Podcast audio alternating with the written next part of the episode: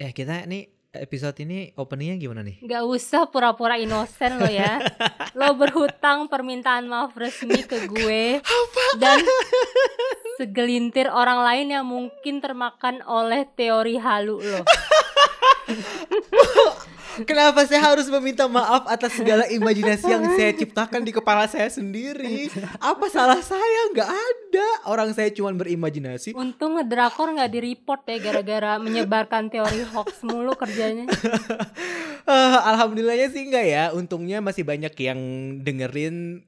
Untungnya masih ada yang ikutan kuis. Iya. Jadi kalau misalkan yang dengerin episode Snowdrop minggu lalu dan pengen tahu siapa pemenang kuisnya, dengerin episode ini sampai habis karena kita akan umumin pemenangnya di episode ini.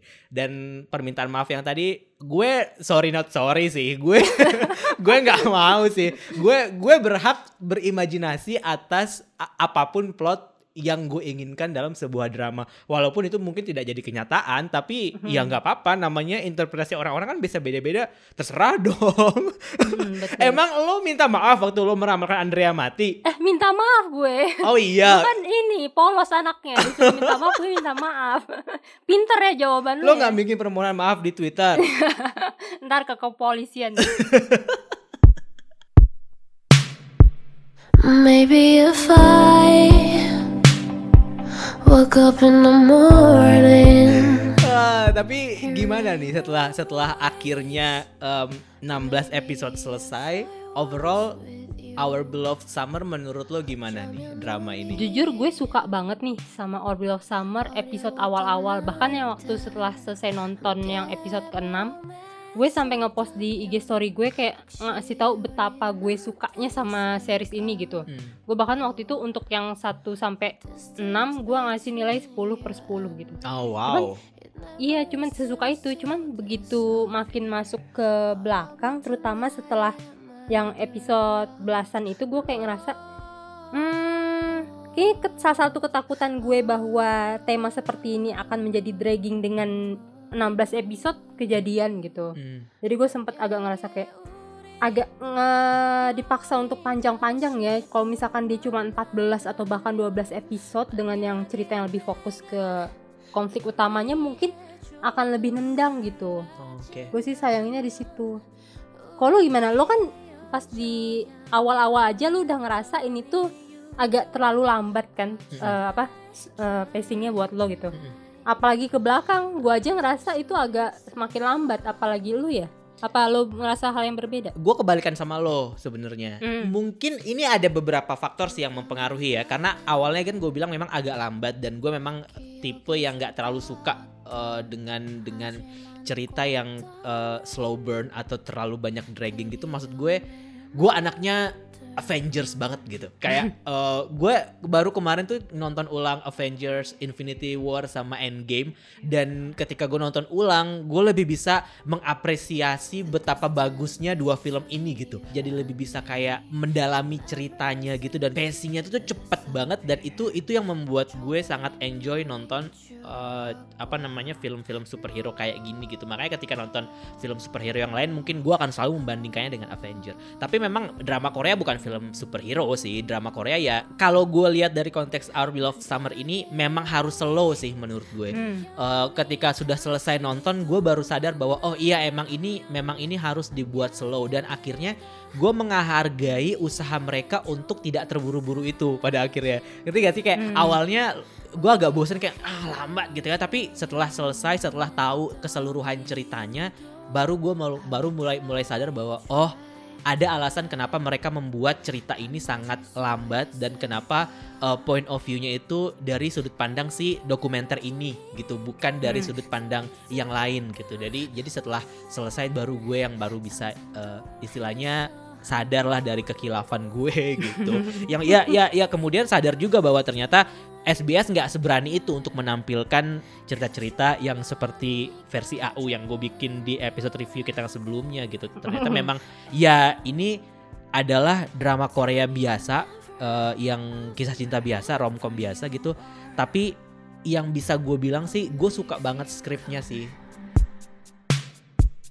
Setiap episode dibuat terinspirasi dari judul-judul film kan dan Mhm. itu eh, buat orang-orang yang nonton filmnya mungkin kayak adalah feel kayak ada Easter ada Easter egg-nya gitulah gitu ya mikirnya kayak ada ada eh, apa eh, selipan yang lo bisa relate di hal yang lain. Kayak episode 1 kan I Know What You Did Last Summer. Itu kan ada film Mhm. horor juga judulnya I Know What You Did Last Summer. Terus ada di episode 15 kalau nggak salah judulnya Three Idiots. Ya kan ada ada film Mhm, India juga mhm. judulnya Three Idiots.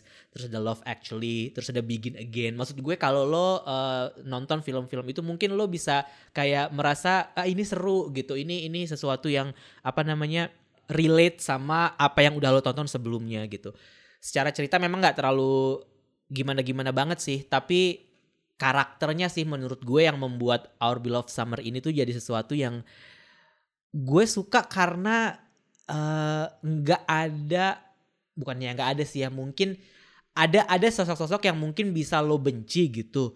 Tapi seperti halnya kehidupan kita manusia biasa gitu balik lagi bahwa mereka melakukan itu dengan sebuah alasan dan mereka melakukan itu dengan pemikiran yang mungkin mereka pada saat itu pikir itu yang terbaik gitu Hmm. ya ceritanya sangat sangat manusiawi banget sih masing-masing karakternya sangat sangat dibuat real dan nggak ada yang terlalu di apa ya di eh, romantisasi berlebihan sih sebenarnya bahkan persahabatan Jiung sama Ung pun kalau nonton di drama Korea lain nih misalnya ya yang kadang-kadang kan bromance-nya itu jadi sesuatu yang memang nil dijual gitu nilai jualnya gitu misalnya kayak lo ngomongin The King Hmm. Eternal Monarch misalnya kayak eh, si Uduhan sama Lee Min Ho-nya kan bromance-nya itu yang jadi sesuatu yang emang mereka pengen pengen pengen highlight gitu. Sementara kalau di sini biasa aja Hmm. karena ya mungkin sebenarnya di dunia nyata tuh kayak gitu gitu.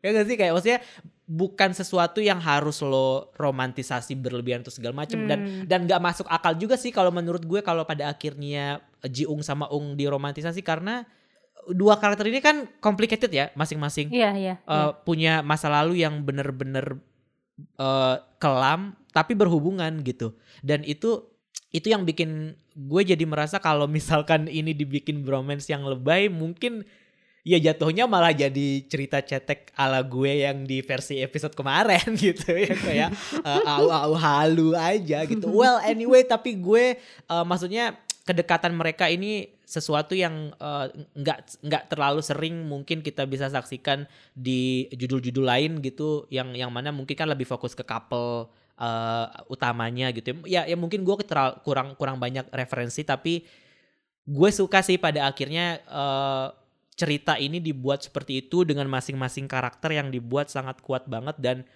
setiap pergerakan mereka tuh gue rasa beralasan gitu. Kayak gue kesel banget sama Jiung tapi pada akhirnya gue bisa mengerti. Hmm, intinya lo puas lah ya. intinya gue puas Em, tanpa tanpa kayak misalkan oh, gue pengen season 2 atau segala macam gitu. Nggak ya eh, ini cukup sampai di sini dan ini cukup memberikan gue apa namanya hiburan. Kalau gue gue dibilang eh, nggak puas juga enggak sih, puas-puas aja. Cuman menurut gue kayak nggak tahu apa mungkin ekspektasi gue di awal yang terlalu berlebihan sama drama ini atau gimana.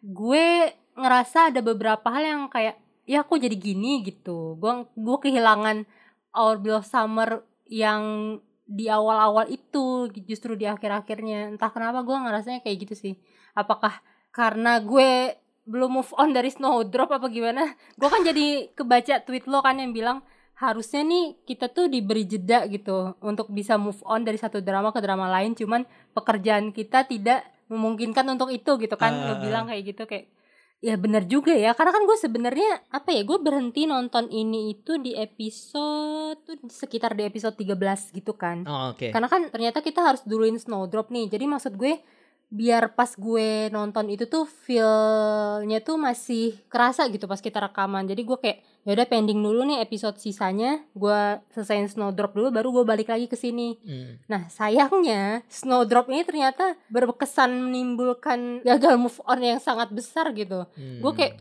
gue lanjut nonton ini cuman kayak di sisi lain jiwa gue sebelah masih kayak ke pasangan si Heisu ini. Hes- Hesu? Oh Jong Hae In sama Jisoo. Iya, disingkatnya Heisu. oh gitu.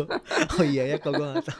Eh, jadi agak Snowdrop mengalihkan ini lo ya, berarti mungkin itu mengalihkan ada fokus salah lo. satu cuman gue berhasil menemukan alasan lain sih Apa? gue gak bisa nyebut di sini karena gue harus memaparkan Oh iya iya. iya. spoiler nanti Jadi gimana nih kita udah mau masuk ke spoiler atau gimana? masuk aja gue udah gak tahan Oke, roll spoiler alert. Wait, wait, wait, wait. Sebelum lanjut ke bagian spoiler, gue mau ngumumin pemenang kuis Snowdrop episode minggu lalu. Nah, terima kasih buat Disney Plus Hotstar karena sudah berkolaborasi dengan Detikcom dan podcast Ngedrakor untuk kuis ini. Oke, ini dia pemenangnya. Selamat buat at read.nr at read.nr itu yang pertama. Yang kedua ada at adinda mntr yang kedua ada at Adinda MNTR. Yang ketiga ada Inggit Tieo at Inggit. Kalian berhak mendapatkan bingkisan dari Snowdrop dan Disney Plus Hotstar. Tunggu DM dari podcast Ngedrakor karena kami butuh konfirmasi data diri kamu buat pengiriman hadiah. Dan buat temen Ngedrakor yang penasaran dengan jawaban para pemenang bisa lihat jawabannya di Instagram at podcast Ngedrakor. Buat yang udah ikutan kuis dan belum beruntung, good luck buat kuis selanjutnya. Oke, kita kembali ke episode Our Beloved Summer Part 2. Oke, jadi kenapa? Alasannya itu kenapa? gue ya gue akan cuap-cuap banyak nih ini kan eh, salah satu daya tarik utama Orbel Summer ini selain membuat kita merasa nostalgic dengan eh, cinta-cinta SMA-nya mereka itu kan mereka ini kan kayak ya cerita cinta yang tadinya udah putus musuhan terus gimana caranya mereka bakal ketemu lagi tuh bakal balik lagi apa enggak gitu Hmm, menurut gue di situ main utamanya yang gue cari sih hmm, makanya begitu pas di episode 12 mereka udah pacaran. Heeh, udah menyatu, udah cipika-cipiki. Enggak cuma cuek-cuek ngomong cuman terus. Cuman aja terus. Kalau penuh kedengkian gitu sih ngomong. iya kan, intinya ya mereka udah inilah, udah menemukan jalan tengah gitu untuk hubungan mereka. Terus kayak di situ masih episode 13, 14, 15, 16 masih sisa episode itu tuh apalagi gitu yang ditunggu kayak Hmm. kesannya tuh jadi kayak melebar apakah gue sempat kepikiran apakah emang sengaja dibuat balik dulu untuk habis itu mereka akan dibuat berpisah untuk untuk apa untuk kebaikan gitu maksudnya kali ini berpisahnya untuk eh, hal yang dewasa gitu bukan berpisah untuk eh, hal-hal yang kekanakan Receh atau gitu ya, gimana hmm. Mm-mm. tapi ternyata enggak kan kayak gue ngerasa justru di sekitar episode 13-14 itu di saat eh, cerita utamanya antara Yonsu sama si Cheung ini udah nggak sekuat di awal-awal mereka malah lebih kepecah ke cerita-cerita karakter sampingannya gitu loh. Hmm. kayak yang cerita temennya si siapa namanya? Yonsu lah segala macam. Gue kayak ngerasa ya gue suka sih sama karakter mereka cuman menurut gue untuk genre drama seperti ini yang eh, pacingnya udah slow terus yang ada konflik besar yang bener dinanti gitu terus nggak ada antagonis pula keberadaan karakter-karakter sampingan lainnya itu kalau misalkan diberi porsi terlalu banyak tuh jadi kayak bikin apa ya? Bikin pecah fokus aja gitu Oh gitu. apalagi di saat mereka berdua udah jadian kan. Jadi kayak apalagi nih yang harus gua nanti gitu. Terus kalau misalkan di episode awal-awal itu kan masih dipenuhi ketidakpastian kan. Kayak hubungan mereka bakal kayak gimana nih bikin was-was gitu. Kayak gue sampai sempat mikir ini kayaknya bakal set end nih. Ini kayaknya bukan romcom nih kayaknya melodrama gitu. Sampai Ah. segitunya gitu. Cuman makin ke belakang makin berasa lebih ketebak aja sih. Terus kayak yang gue sayangkan malah diselipin konflik yang rada-rada klise gitu. Yang mana tuh? malam terakhir pamerannya si Cheung Oh iya. kan udah janjian tuh kan kayak Mm-mm. iya aku pasti akan datang. Terus tahu-tahu Yonsu oh neneknya sakit nih. Terus jadi gagal memenuhi janji. Cuman gara-gara bukan cuman gara-gara sih maksud gue kayak hello ini tahun berapa? Gitu kan kayak HP tuh udah dalam genggaman kayak apa salahnya sih langsung ngubungin bentar gitu sambil di jalan atau begitu nyampe rumah sakit? Kayak harus banget gitu menggantung si Cheung ya padahal waktu itu neneknya juga udah sadar kan kayak harus banget si siapa namanya Cheungnya bener-bener harus sampai pulang ke rumah dulu dan Yonsu masih diem aja gitu di situ nggak nggak ngabar gue nggak tahu deh apakah dia sempat ngabarin apa gimana tapi kayaknya enggak deh dia cuma nangis depan rumahnya Ceung aja kan Iya dia tiba-tiba udah di depan rumah aja gitu. Iya, untung Ceungnya udah dewasa. Coba kalau misalkan dia masih kayak dulu kayak yang ngambek kayak kenapa kamu gak ngabarin aku gitu? Iya gitu. iya Terus iya kayak, iya. Aduh, klise banget. Setuju sih gitu. sama lo kayak itu kayak agak diada-adain aja sih sebenarnya gitu. Gue juga waktu menonton adegan itu gue sempat wah eh, dengan segala historinya Cheung ini apa iya nih cuman karena dia nggak datang nggak jadi datang ke pameran ini terus kemudian eh, semua traumanya itu akan akan akan muncul lagi dan membuat dia merasa ditinggalkan lagi gitu. Tapi Hmm. ya benar sih kata lo tadi juga kayak untungnya si Ungnya udah lebih dewasa sih dia juga jadi bisa jadi lebih bisa jadi lebih menanggapi permasalahan ini juga dengan dengan cara yang berbeda. Nah, gue sih melihat eh, sebenarnya itu yang pengen disampaikan di episode itu sih kayak bahwa ya sekarang si Ung udah nggak kayak yang dulu gitu. Walaupun gue setuju eh, juga sama poin bahwa kenapa harus menyelipkan konfliknya yang kayak gitu banget gitu, yang kayak klisenya tuh kayak gitu. gitu sih. Ya nggak apa-apa sih, maksudnya eh, melebar ke pemeran karakter yang lain. Cuman kayaknya nggak untuk di drama ini deh. Maksud gue, oke ini nggak apple to apple. Cuman mungkin karena Snowdrop masih fresh di ingatan gue, jadi kayak gue ambil contoh di situ ya. Kayak di Snowdrop karena dia punya satu konflik besar nih penyekapan di asrama itu.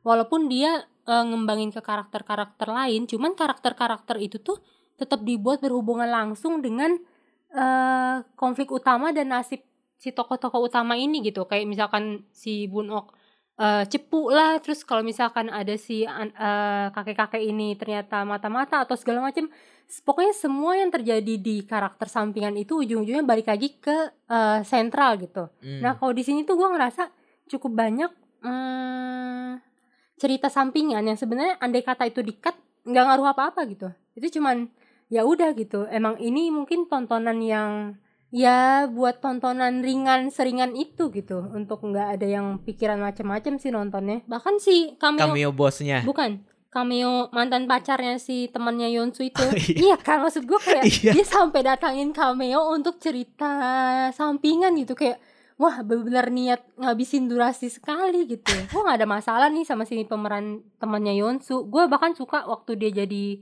pegawai tertindas di It's Okay to Not Be Okay. Cuman menurut gue kalau di sini kayak rada penting nggak penting gitu sih. Tapi mungkin ada yang suka ya. Mungkin ada yang ngerasa lucu untuk apa namanya pencerah suasana. Cuman kalau di gue kayak, Tapi masa iya dari semua eh, pemeran pendukung di sini tuh semuanya nggak ada yang eh, apa namanya dapat justice gitu Nat. Maksud gue kayak eh, ditempatkan di tempat yang tepat dan dihadirkan di momen yang pas gitu menurut ada lo? ada. Ada beberapa eh, apa pemeran karakter sampingan yang gue suka dan menurut gue dia dimunculkannya tuh bagus gitu dan berkesan buat gue. Contohnya kayak si Mr. Park itu si bosnya Jiung. Dia kayaknya karakter sampingan yang paling gue suka deh. Maksud gue dia kemunculannya tuh nggak banyak. Maksudnya nggak bertele-tele. Cuman sekali yang muncul tuh dia paling selalu nempel sama si Jiung kan selalu ada apa ya kayak ada pesan penting gitu entah nyentil si Jiungnya lah untuk membuka pikiran Jiung atau ya maksud gue nggak melebar gitulah kemunculan dia cuman karakter dia tuh gue suka gitu kayak om-om santuy tapi tuh sebenarnya dia bijaksana gitu Om, om santuy.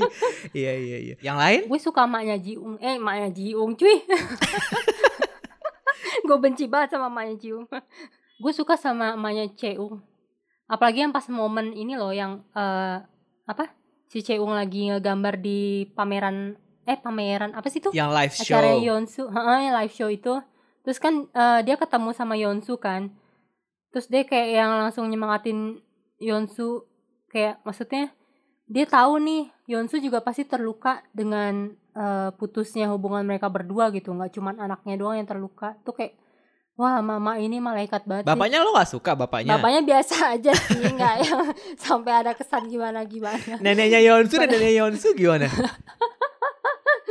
kalau gua nggak nyebutin berarti biasa aja oh gitu biasa aja. Cuma gue bukannya nggak suka sama temennya Yonsu tadi ya. Cuma menurut gue ada kalanya menurut gue dia agak terlalu dipanjang-panjangin Hmm, gitu. Gua rasa juga itu karena emang dia sedang populer aja sih, makanya dia durasinya Iya, dipanjang-panjangin. nggak nggak cuma dia sih maksud gue kayak yang lainnya gitu mungkin yang yang gue lupa atau gue nggak ngeh. Ya menurut gue masih pokoknya masih bisa lah ini dipangkas buat lebih lebih nggak dragging gitu untuk sebagian orang menurut gue. Ya mungkin ada yang nggak sependapat cuman menurut gue kayak gitu. Kan tadi lo bilang ketika udah dia jadian dan ke belakang itu malah jadi dragging kan sampai episode terakhir gitu. Mm-mm. Kalau gue malah melihat itu sebagai sebuah kesempatan untuk drama ini bisa kembali lagi ke eh, basic kenapa mereka memulai drama ini. Ngerti nggak maksud gue? Karena pada akhirnya ketika eh, mereka udah jadian dan kemudian terus apalagi nih yang mau diceritain. Nah di situ akhirnya mereka memutuskan untuk ngambil sudut pandangnya si Jiung.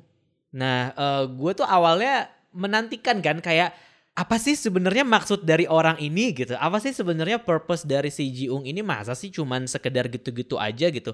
Maksudnya sebelum akhirnya terungkap bahwa eh, dia punya mm, permasalahan dan kehidupan personal yang lain gitu kan. Sebelumnya kita cuma tahu bahwa oh dia naksir sama si Yonsu gitu. Dan Hmm. ya udah cuman sebatas itu. Tapi ternyata perasaan naksir dia sama Yonsu itu tuh jadi sesuatu yang membentuk karakter dia dari remaja sampai dia dewasa gitu. Dan ketika episode mereka udah jadian itu dan kemudian kita masuk ke dalam episodenya Jiung menurut gue malah gue sebagai Jiung Stan tuh kayak oh ini yang gue tunggu-tunggu gitu. Ini yang ini yang gue ini yang gue nantikan untuk untuk diceritakan. Karena jujur aja pas awal-awal tuh memang emang cuman sekelebat sekelebat aja. Maksudnya kenapa pada akhirnya kita bisa menebak gue sih lebih tepatnya. Gue bisa memunculkan eh, kecurigaan-kecurigaan itu ya karena Jiung tuh cuman ditampilkan secara sepintas-sepintas aja gitu.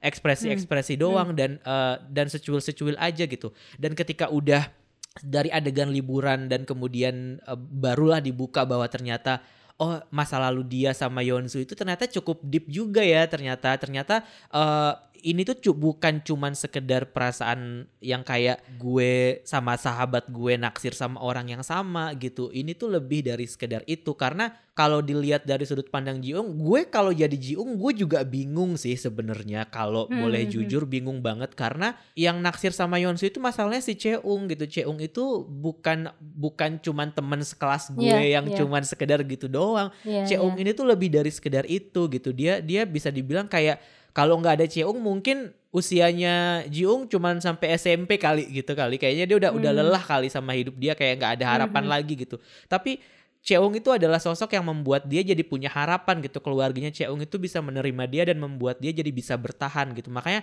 Hmm. ketika ketika dia dihadapkan dengan perasaan yang sama antara dia ke Yonsu dan Cheung ke Yonsu gue bingung sih kalau jadi dia juga gitu maksudnya Hmm, eh gue nggak pengen kehilangan si eh, sahabat gue gitu dan kedekatan dia sama Ung kan emang udah se sedekat itu yang kayak apa namanya ya ini tuh ini bukan sesuatu yang dia bisa korbankan gitu untuk untuk Hmm. untuk eh, untuk Yonsu gitu kayak Jiung tuh pertimbangannya banyak banget jadi kayak gue nonton eh, tadi jadi gue bersyukur banget ada ada episode yang setengah episode sebelum fina- finale itu yang yang menceritakan dari point of view-nya Jiung gitu. Jadi itu Hmm. sih yang gue yang gue appreciate dari bagaimana naskah dari drama ini gitu. Memang memang gue gue akui kayak sebenarnya bisa aja sih kalau misalkan mereka menyelipkan itu ke adegan-adegan di episode-episode pertama. Jadi eh, apa penonton pun jadi kayak iya gue bisa tahu motivasi Jiung nih apa gitu. Hmm. Tapi mungkin memang fokus mereka ya di couple ini gitu di di pemeran di pemeran utamanya di Yonzu sama Cheung ini gitu. Soalnya kalau dipikir-pikir kalau nggak ada Jiung mereka nggak bakal balik kan? Lemnya itu Jiung karena proyek dokumenter ini yang membuat mereka balik gitu. Dan di saat yang sama Jiung pun juga sedang sedang dalam fase bahwa oh ini waktunya sebenarnya gue untuk mengkonfrontasi perasaan gue pada saat itu gitu. Karena dia juga kan sebenarnya penasaran kan ingin membuktikan sebenarnya mereka tuh masih suka nggak sih? Kalau mereka udah nggak suka ya gue pengen masuk tuh ke situ gitu. Dia sempat gue melihat dia tuh sempat tuh sebenarnya eh, apa goyah sama hal itu gitu kayak Hmm. merasa bahwa oke ini waktunya gue untuk fight Hmm.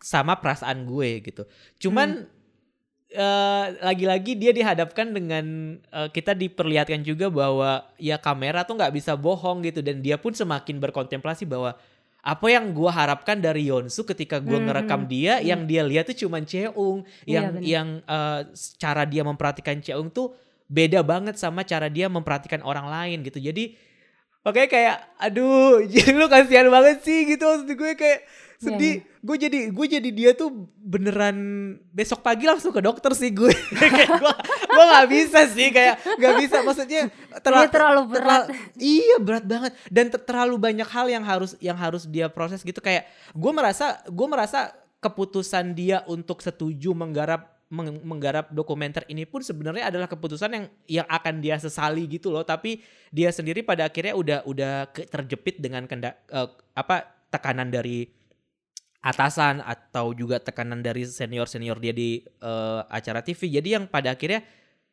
oke deh gitu yang yang Mhm. dia dia pun berusaha untuk bisa mengkonfront perasaan dia dan kenyataan bahwa mungkin eh, ada harapan di situ gitu yang mana sebenarnya nggak ada Iya. ternyata gue eh, cukup banyak sependapat sih sama lo kayak eh si Jiung ini berhasil dari awalnya kita kayak dia disimpan banget nih kan di awal-awal benar-benar cuman fokus sama si Yeonsu sama Cheung aja cuman di ending justru di saat dua pasangan ini udah konfliknya udah redup di gue gue masih bisa bertahan dengan kemunculannya si Jiung ini gitu Hmm. mungkin agak kebalikan sama lo justru gue salut banget sama dia yang berusaha sebegitunya nekan perasaan dia gitu loh kayak menurut gue dengan dia tidak ngoyo untuk men- mencoba atau untuk eh, dalam tanda kutip menikung gebetannya si sahabat dekatnya ini menurut gue kayak dia wah jarang-jarang sih second lead kayak gini sih. Kayak bener Jiung itu apa ya antara salut dan kasihan sih gue sama dia. Iya kayak iya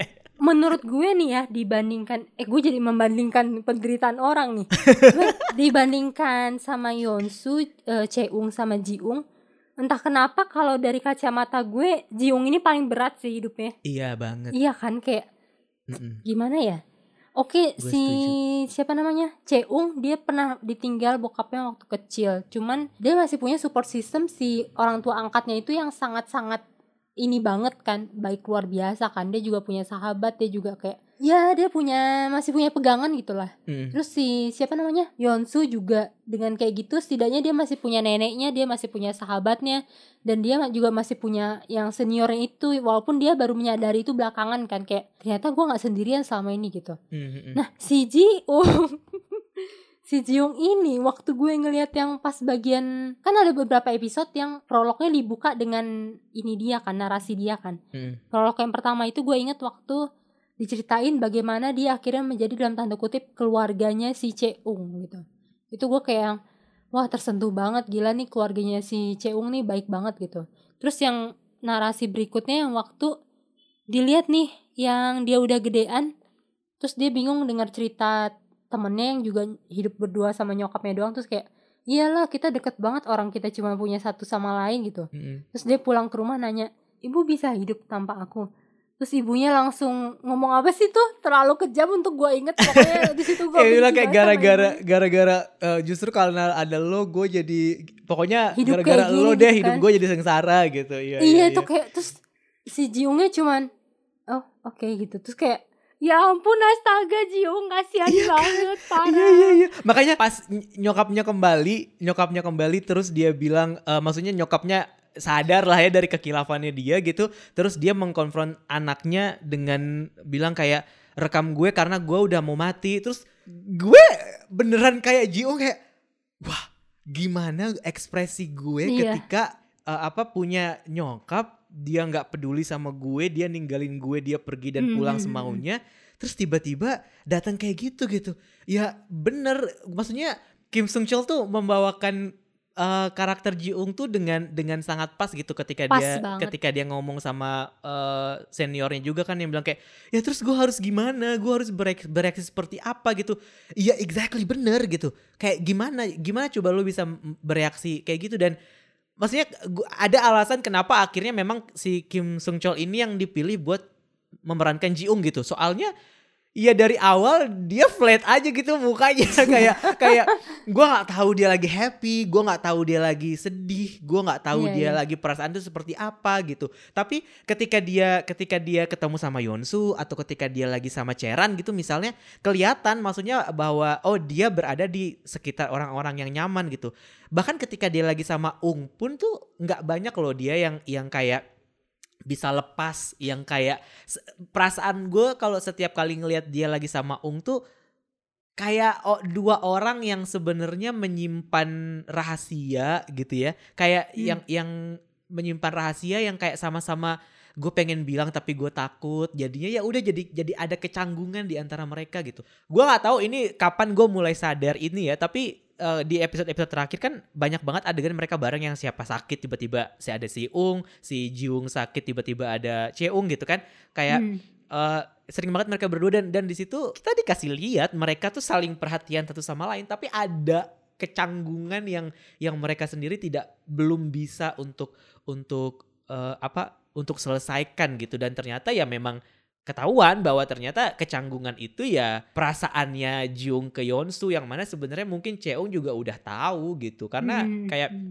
gua rasa Cheung ini tahu semuanya sih cuman ya dia diem-diem aja gitu kayak ya udah Iya, dia pura-pura nggak interest Iya dia eh, karena emang dari awal dari awal ka- karakter dia memang kayak dia kan bilang kayak gue nggak pengen banyak mikir, gue pengen hidup tidur di bawah sinar matahari yang kayak gitu-gitu kan. Jadi Hmm, hmm. memang memang kayak tipe yang nggak mau ambil pusing nggak mau ambil pusing gitu. Iya bener nggak mau ambil pusing gitu. Sementara yang yang satu satunya lagi kayak merasa berutang budi banget sama si anak Iya. yang tidak mau ambil Hmm. pusing ini. Jadi gak tahu gue gue nggak pengen bilang kalau gue pernah merasakan kondisi itu tapi kayak eh, permasalahan mereka berdua ini sangat familiar buat gue gitu loh yang kayak Hmm. There done that gitu. Kayak kayak gue pernah somehow ada di posisi itu gitu. Jadi gue tuh kayak eh, apa ketika ngelihat Jiung kayak iya gue gua gua ngerti Jiung lo tidak bisa melakukan itu karena ada alasannya gitu. Tapi di sisi lain juga gue ge- gemes gitu. Karena gue sekarang anaknya kalau lo merasa itu benar buat lo apa pun risikonya ya harus lo coba buat ambil gitu harus lo co- coba buat buat melakukannya gitu. Maksud gue dalam konteks real life ya gue prinsipnya tuh kayak gitu gitu. Jadi terserah mau pendapat orang seperti apa atau terserah outcome-nya akan seperti apa tapi if you feel right for you if you feel that thing right for you gitu ya lo kejar aja lo lo coba aja lo raih aja gitu. Nah mungkin itu yang yang salah satu-satunya sisi dari Jiung yang nggak bisa gue terima sih ke Tapi kan- kepasifan itu gitu. Tapi kan tadi ini lu mengakui sendiri Jiung juga emang udah sempat nyoba yang dia Iya, ngajak iya. Yonsu makan terus kayak dia ngelihat ya buat apa gitu? Orang jelas-jelas mata Yonsu cuman ada Cheung gue Iya mau ngapain lagi? Iya sih maksud gue kayak lu jangan nyalain Jiung dong Kayak- udah menderita. Enggak, enggak, enggak, kayak kayak selama mereka putus tuh banyak lo waktu yang bisa lo lo lo habiskan untuk kayak apa namanya eh, mencari celah gitu loh. Maksudnya kayak ya yang if tadi lo bilang. really want to be with her gitu loh kayak. Iya maksudnya ya memang dia terlalu banyak berutang sih. Jadi kayak gue gue juga mengerti sih kayak iya iya Ung iya Ung cari aja yang lain. Maksud gue nih ketika udah ada Ceran ngaku aja dia nggak mau dong menanggapi eh, confessionnya Ceran gitu. Ngerti nggak? Kayak udah dua tahun kemudian terus si Ceran bahkan di, dicengin sama si Ceran yang kayak ada Yonsu loh di situ. Lo yakin gak apa-apa? Itu maksud gue itu kayak berarti kan perasaan itu masih sebesar itu gitu. Kayak Hmm. gue yakin dia punya sisi sisi egois juga lah sebagai manusia gitu. Gue gue melihat karakter dia ini bukan karakter yang perfect gitu. Jadi ya pasti ada eh, sisi itu maksud gue. Cuman ya ya ya ah emang sih sakit deh jadi jiong dah.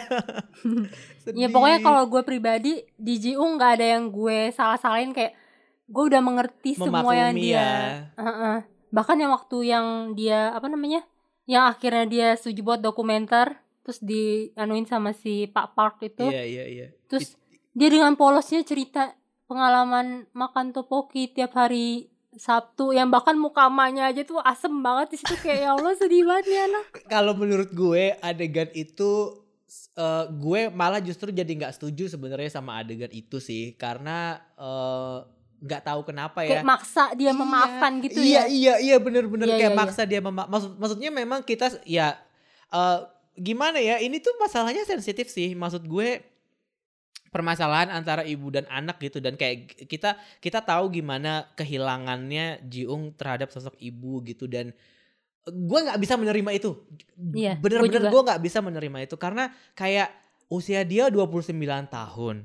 Selama 29 tahun itu kondisi emosi dia nggak stabil gara-gara orang tuanya nggak ada. Dan dia cuma punya satu orang tua dan, dan satu orang tuanya ini ya sibuk sendiri gitu. Maksudnya tidak bertanggung jawab gitu. Jadi gue nggak bisa memaksa Jiung untuk eh, bisa memaafkan ibunya juga sebenarnya. Makanya gue nggak terlalu suka bagian itu di ending karena Iya iya. harusnya men 29 tahun loh ini dia gitu eh, apa namanya berkutat dengan emosi dia sendiri gitu dengan dengan se- semua eh, apa namanya ibunya tuh kayak nggak mau ada dia di dunia ini gitu terus dalam waktu satu minggu dia bisa berubah tuh kayak menurut gue hmm gitu mana dia belum ke dokter lagi kan maksud gue kayak tidak meyakinkan aja sih gitu Bisa langsung healing sendiri gitu ya. Iya, kayak harusnya Iya, benar. harusnya eh, bukannya gue ya ini jahat sih ya gue mau nggak bilang gue jahat tapi ini jahat sih. Tapi kayak drama ini dibuat dengan kayak, kayak tadi gue sempat sebut bahwa realita, realita gitu. Gimana sih kehidupan sehari-hari gitu. Ya lo sebagai ibu juga harus menerima dong realita itu bahwa lo udah ninggalin dia bukan berarti eh, status lo sebagai ibu dan kemudian kita menorma me- apa menerima lo dengan lapang dada ke karena lo ibu gitu maksud gue. Kayak dalam konteks cerita ini ya bukan secara general loh maksud gue ya. Hmm. Jiung doang nih sama ibunya nih yang gue keselin gitu. Maksud gue kayak nggak tahu sih. Se- secara secara secara moral ini mungkin salah tapi gue kayak nggak gitu gak sih? Hidup tuh nggak segampang itu gak sih? Gitu. Iya mungkin si penulisnya takut dihujat masa nih kayak Jiung udah nggak dapet Yonsu terus dia juga nggak dibikin apa punya penyelesaian gitu dengan konflik luka dengan ibunya ini. Cuman menurut gue kayak ya kalau lo mau buat ujung-ujungnya Jiung ini dalam tanda kutip baikan sama ibunya, ibunya jangan dibuat terlalu sejahat itu gitu. Oke cukup cuman kayak nggak peduli yang kayak pulang pergi terus pulang-pulang cuma minum alkohol tidur nggak usah sampai apa sih nyebutin kata-kata yang membekas banget itu loh yang kayak kamu yang membuat hidupku hancur yang kayak itu tuh kayak menurutku kayak terlalu kelewatan sih iya ibunya. iya makanya kayak itu yang dibikin gue nggak bisa maafin banget ibunya tuh di situ gitu Iya. Gue kayak nggak ini aduh sayang sih sayang banget sih kayak harusnya Jiung dikasih sesuatu yang healing yang sebenarnya gitu loh maksud gue bukan permohonan maaf yang dia sendiri terlalu cepat untuk dia proses gitu maksudnya Hmm, hmm. kayak nggak bisa sih. Gue juga gua nggak bisa menerima itu sih. Dan gue nggak bisa gua nggak bisa menerima fakta bahwa Cheran tuh di drama ini beneran kayak underappreciated banget. Tau gak sih? Gue kesel banget. Kayak di antara semua side karakter kenapa kenapa mereka tuh nggak berusaha untuk menjadikan Cheran tuh sesuatu ses- seseorang yang lebih berperan penting dalam kehidupan Jiung gitu loh. Yang kayak memberikan comfort kayak atau apa kayak gitu. Yang kayak kenapa baru sampai episode terakhir dia baru dikasih lihat dia berani untuk mengutarakan perasaannya? Kayak mm, gitu. Kayak iya sayang banget. sayang sih. Gue padahal maksudnya eh maksudnya kita kita tuh bisa gitu loh di di, dibu- di diberikan bunga-bunga lah gitu dari si Cheran dengan Jiung gitu. Walaupun mungkin pada di episode-episode awal perhatiannya Jiung tuh masih ke Yonsu gitu. Tapi ya ada perhatian itu ada dan dan itu cukup menggemaskan sih yang kayak perhatian-perhatian kecil. Cuman ya nggak tahu sih agak kurang aja sih menurut gue dan gue merasa kayak underappreciated banget sih dia. Kayak Jiung maksudnya Jiung tuh juga gitu. Jiung tuh kayak eh, orangnya take it for granted banget gitu. Semua semua orang baik sama dia terus kayak ya udah gitu. Kayak ya tapi nggak apa sih gue sayang Jiung makanya makanya gue makanya prinsip gue lo harus bahagia gitu. Tapi masalahnya ya ya ya ya gitu deh. Gak cuma Sharon Ah. sih menurut gue desain karakternya NJ juga agak kurang sih kayak Eh, maksa diadain aja gitu kayak selain di antara yang tiga utama ini kayaknya yang lain tuh bener-bener ya udah gitu dibikin ada aja cukup sama penulisnya. kayak pemanis-pemanis yang buat nambah-nambahin cerita gitu ya Mm-mm. ya eh, literally side character sih Iya sih. Tapi NJ cukup cukup menarik sih buat gue Eh, karakter ini punya lebih banyak layer yang yang yang lebih bisa digali gitu iya. karena eh, background idol itu menarik kan? Kayak eh, di di statement dia terakhir terakhir yang waktu dia mau dibikinin eh, dokumenter yang dia bilang kayak ya gue nggak punya teman gimana gue mau temenan orang temennya Hmm, sama hmm, selebriti semua semuanya juga Hmm. sibuk gitu kan ujung-ujungnya gue malas nyoba gitu. Hmm. gue pengen tahu lebih banyak sih sebenarnya soal itu gitu. Kayak gimana pembentukan karakter dia sampai akhirnya dia bisa jadi seperti sekarang ini gitu. Karena kan sebelum sebelumnya dikasih taunya ya cuman dia seleb terus dia eh, sering dapat komentar negatif dan segala macam gitu-gitu doang kan. Dan dan, Hmm. dan penggambaran selebnya itu juga sangat general banget sih pada saat itu. Dan ketika masuk ke yang bagian dia mau dibikinin dokumenter dan ternyata dia kesepian itu kayak sebenarnya ya sebenarnya semua karakter di sini kesepian sih eh, Iya. ininya. Apa Iya, namanya i- apa intinya gitu di Our Beloved Summer ini gitu. Cuman sayang banget aja kalau si uh, NJ itu beneran cuman jadi kayak dia sebenarnya bisa nih menemukan sedikit harapan hidup dari pertemanan dia sama Cheung tapi drama ini membuat dia ya udah cuman sebagai sosok di televisi yang kita lihat uh, di ceritanya Cheung iklan aja gitu di antara Cheung Hmm. sama Yeonsu gitu. Padahal dia cukup berbesar hati kan anaknya kayak dia dia, dewasa lah gitu nggak nggak yang menye-menye gitu loh maksudnya. Kayak di iya dia, dia tahu dia suka sama Cheung tapi dia juga tahu Cheung suka sama Yeonsu dan dia juga bilang kayak gue nggak mau jadi penghalang di antara lu berdua gitu. Tapi bukan berarti gue bisa menghilangkan perasaan gue gitu kan? Iya dia bukan tipe pelakor yang akan lo sebelin gitu. Iya karena iya dia iya punya apa ya punya prinsip lah. Iya iya makanya itu jadi kayak karakter dia sebenarnya bagus eh, si NJ ini cuman ya itu tadi kayak penampilan dia ketika eh, sepanjang season ini tuh bener kata lo kayak cuman iklan doang cuman sekedar sekedar sekedar doang sih. Iya sih di satu sisi gue ngerasa kayak karakter-karakter sampingannya lain tuh yang kayak kurang apa ya kurang deep gitu. Cuman di sisi lain gue juga ngerasa ada konflik-konflik yang kurang penting yang melebar gitu. Gue jadi kayak harusnya gimana sih? Kenapa kenapa gue jadi nggak ngerasa nggak puas gitu? Apa sih yang sebenarnya bikin gue nggak puas?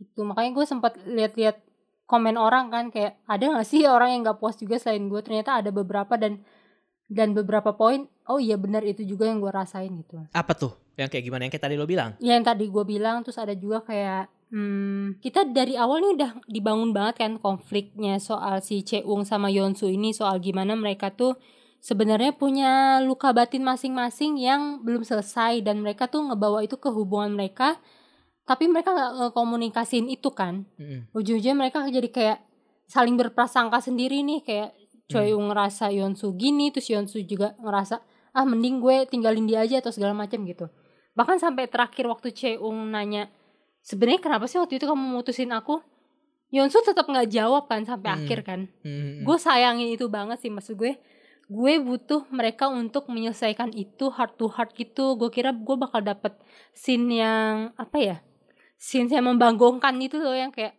penuh dengan kata-kata yang wow gitu tapi ternyata kayak ya udah cuma selesainya ya udah aku anggap itu sudah selesai aja gitu kayaknya dalam hati si Cheung itu habis ngomong sama si neneknya Yeonsu Iya iya. menurut iya. gue kayak pada akhirnya Yeonsu tetap dibuat untuk tidak berani mengakui kelemahan bukan kelemahan sih.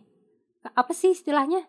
Pokoknya sifat rendah dirinya itulah. Hmm, jadi dia tidak ditunjukkan, tidak di- ditampilkan, dia tidak mau terlihat sangat vulnerable di depan Jeong gitu ya kayak tetap iya pada akhirnya jadi- begitu kan. Iya, dia cuman iya, iya. sekedar ya udah gue berubah menjadi Yeonsu yang lebih apa sih lebih mau dimanja lebih mau menerima kasih sayang Cheung cuman dia nggak pernah benar-benar mengeluarkan semuanya gitu loh Hmm, hmm, dan gue juga sempat jadi kayak agak mikir nih dua orang lima tahun yang satu nggak tahu kalau ini anak angkat yang satu lagi nggak tahu kalau dia lagi secara finansial bermasalah, kesulitan kesulitan. Eh, kayak bener lu lima tahun hahaha doang berdua ya bener-bener Syuting dokumenter. iya terus yang gue paling sebel di episode 16 itu sih kayak gue sangat menyayangkan eh, drama yang episode awalnya tuh udah bagus nih cuman episode endingnya tuh kurang nendang gitu Hmm. kayak di episode 16 ini yang waktu tiba-tiba si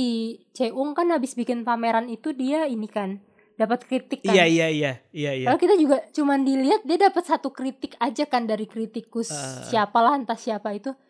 Terus kayak gara-gara satu kritik itu dia kayak ketampar terus langsung mau keluar Mengubah. negeri gitu. Iya iya iya iya iya sih Kayak- iya sih. Wow gitu.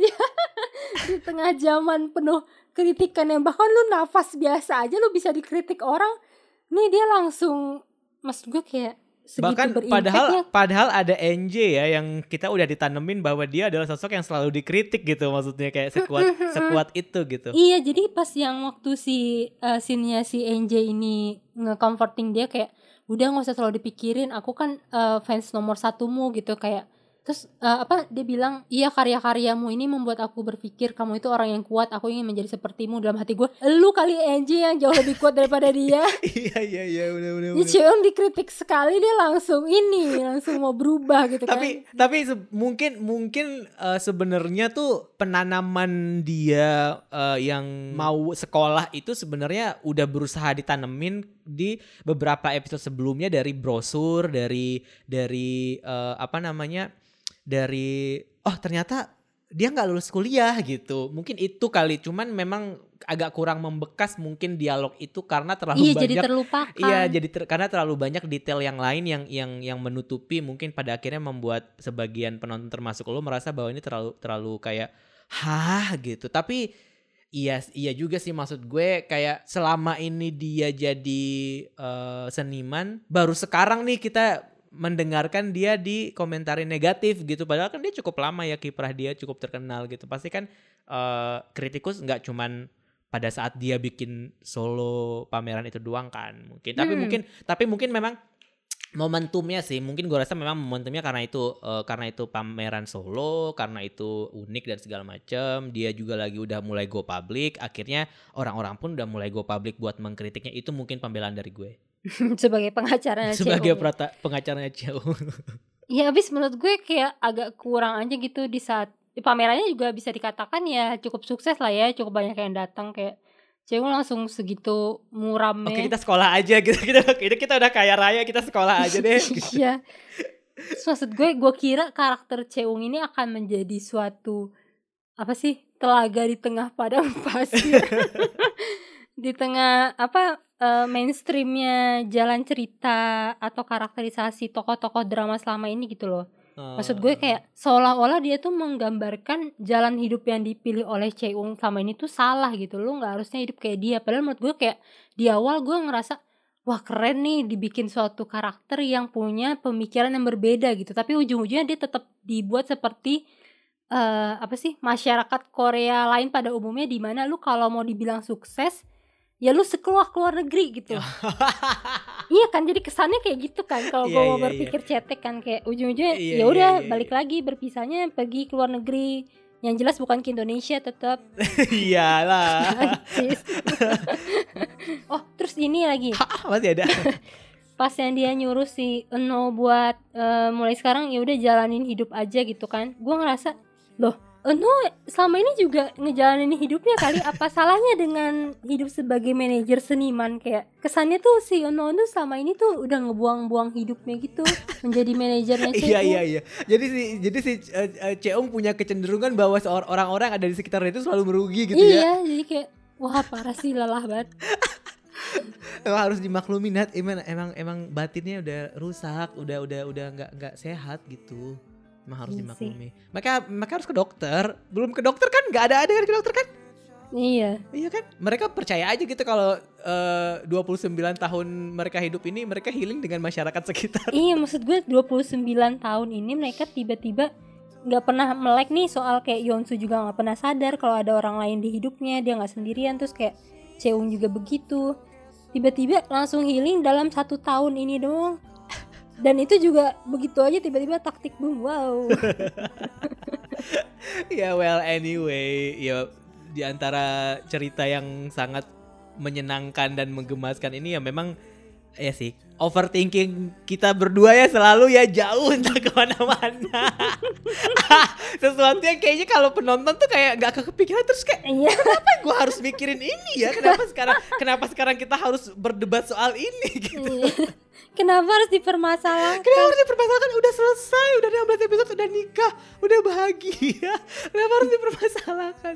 kalau belum nonton atau mungkin kalau misalkan belum ngikutin atau belum nyelesain, ya selesaikanlah. Dan buktikan apakah semua overthinking Nadia nyambung nggak sama lo dan apakah Kayaknya semua deh. ada apakah semua obrolan kita di episode kali ini eh, setuju nggak sama lo gitu iya ah, boleh silakan cek Netflix langganan Netflix deh guys. Ya pokoknya kalau ada pelajaran utama yang bisa diambil dari drama ini Lo kalau ada apa-apa harus dikomunikasiin ya Ron. Iya. Gue bukan dukun yang tiba-tiba bisa tahu lo merekam prolog lo sendiri gitu di kamera. Terus lo berharap gue tahu. Ini drama ini ya gue ngerasa eh, cuma penonton yang tahu isi hati mereka lewat prolog. Iya, Tapi mereka iya, satu iya, sama lain gak pernah ada yang ngo- ngobrolin itu. Iya iya iya iya iya. Gak jelas banget emang. Tapi Sim- tapi gue setuju sih. Simpan aja terus sampai mati. Komunikasi is a key. Bener bener bener bener bener, bener. Iya komunikasi adalah adalah kunci dari keberhasilan sebuah hubungan. Kata seseorang yang tidak pernah punya hubungan dengan siapa pun